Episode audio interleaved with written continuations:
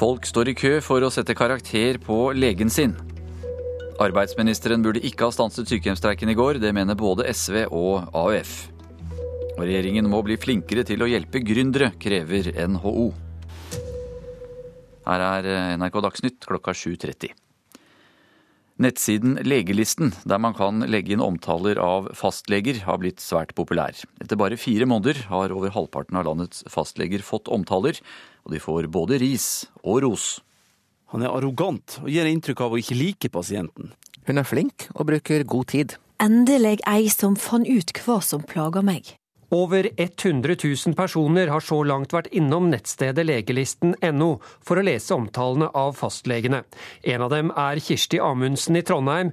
Hun syns informasjonen var nyttig da hun skulle velge seg ny lege. For det første så får du jo et inntrykk av hvem du bør unngå, helt klart. De som får gode omtaler er jo vel så viktig, fordi det er jo de du kanskje mm, tenker at det er lurt å velge, da. Den store interessen viser at folk sulter etter mer informasjon. Det sier Lars Håkon Sørås, en av fire privatpersoner som står bak nettsiden. Folk som skriver om legene får være anonyme, og på forhånd advarte mange om at det ville komme mange useriøse kommentarer. Men dette løses med streng redigering, sier Sørås.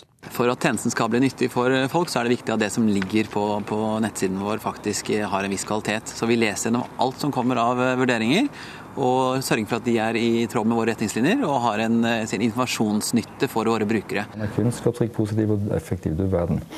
Han vender hele kroppen vekk fra PC-en under samtalen. Det er jo viktig. Fastlege Gisle Smith på Bogerud i Oslo har fått flere positive kommentarer.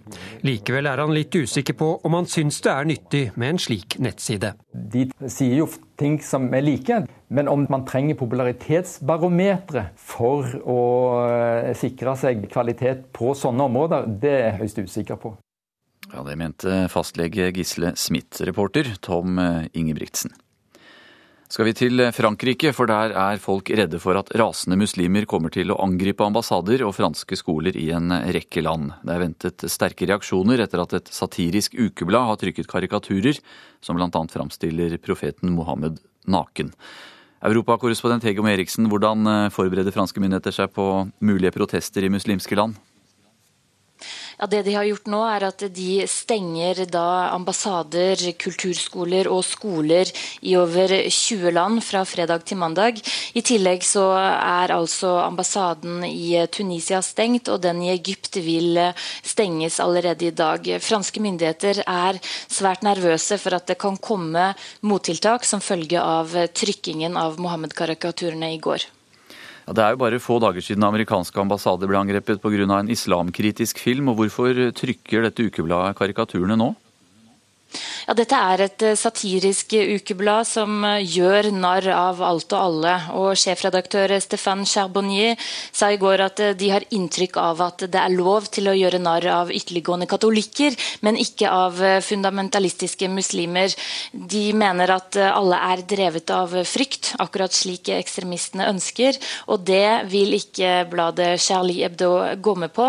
Nettopp det så var det mange som roste i Frankrike i går, men det var også mange som fordømte trykkingen som idioti, nettopp pga. den spente stemningen som vi har sett i mange muslimske land eh, de siste dagene.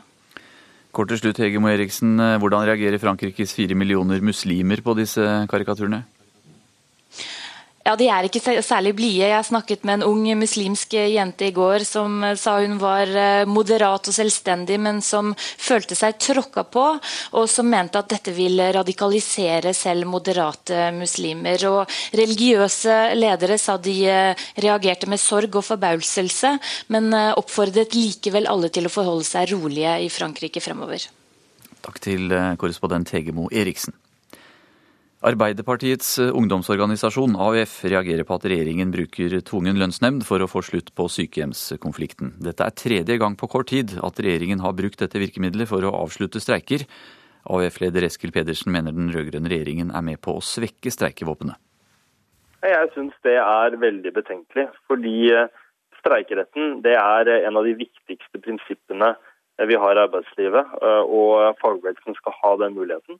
Og når eh, vi nå har hatt eh, tre streiker på rad hvor eh, regjeringen har grepet inn med tvungen lønnsmenn, den rød-grønne regjering, så får jeg en vond smak i munnen av det. Og det mener jeg vi må ta veldig på alvor, fordi det svekker fagbevegelsen sin mulighet til å påvirke ansattes lønns- og arbeidsvilkår. Også SV mener det var feil av arbeidsministeren å stoppe sykehjemstreiken. Stortingsrepresentant Snorre Valen mener arbeidsministeren grep inn for tidlig, og at det gjør det lettere for arbeidsgiversiden å tvinge fram lønnsnemnd i framtida. Fiskerne er bekymret, mens bøndene jubler over høyere tollmurer for enkelte landbruksprodukter og mener aksjonen i vår har gitt resultater. Særlig Senterpartiet måtte høre på bøndene, sier bondelagsleder i Eid i Sogn og Fjordane, Knut Tore Nes Gjelle. Nei, Bøndene har lagt et stort press på politikerne og regjeringa, og ikke minst Senterpartiet nå siste året. Så de var nødt til å levere noe nå, hvis ikke så eh, tror jeg de hadde slitt veldig til valget til høsten. Dette her blir bare helt feil. Men lenger ute langs Nordfjorden er det ikke landbruk, men fisk som er hovedlevebrødet for mange. De frykter at når Norge nå øker tollmurene mot import av mat, blir straffa at det blir vanskeligere å eksportere fisk ut av landet. Vi har måttet greie oss sjøl uten å eh, rope for mye på staten, så da kan det hende at eh, kanskje bøndene nå kanskje må begynne å tenke litt nytt. Ja, Det sa til slutt Fiskarlagsleder i Sogn og Fjordane, Jarl Magne Silden. Reporter Asgeir Reksnes. Regjeringens planer om å øke tollsatsene på ost og rødt kjøtt fra utlandet blir dårlig mottatt i EU.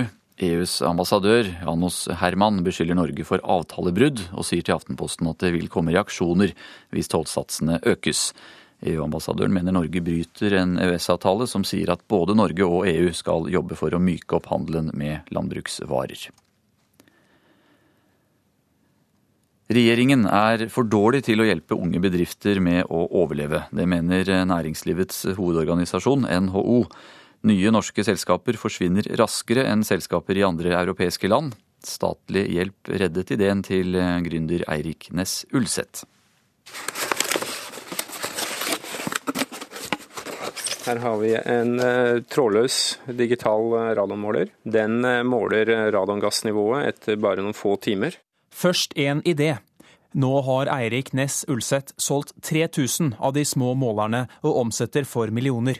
Han ville aldri overlevd den første tiden uten statlig hjelp, sier han. Dette produktet hadde ikke sett dagens lys uten støtten fra Forskningsrådets BIA-program. Veldig viktig for å unngå kan du si, den dødens dal som mange prater om.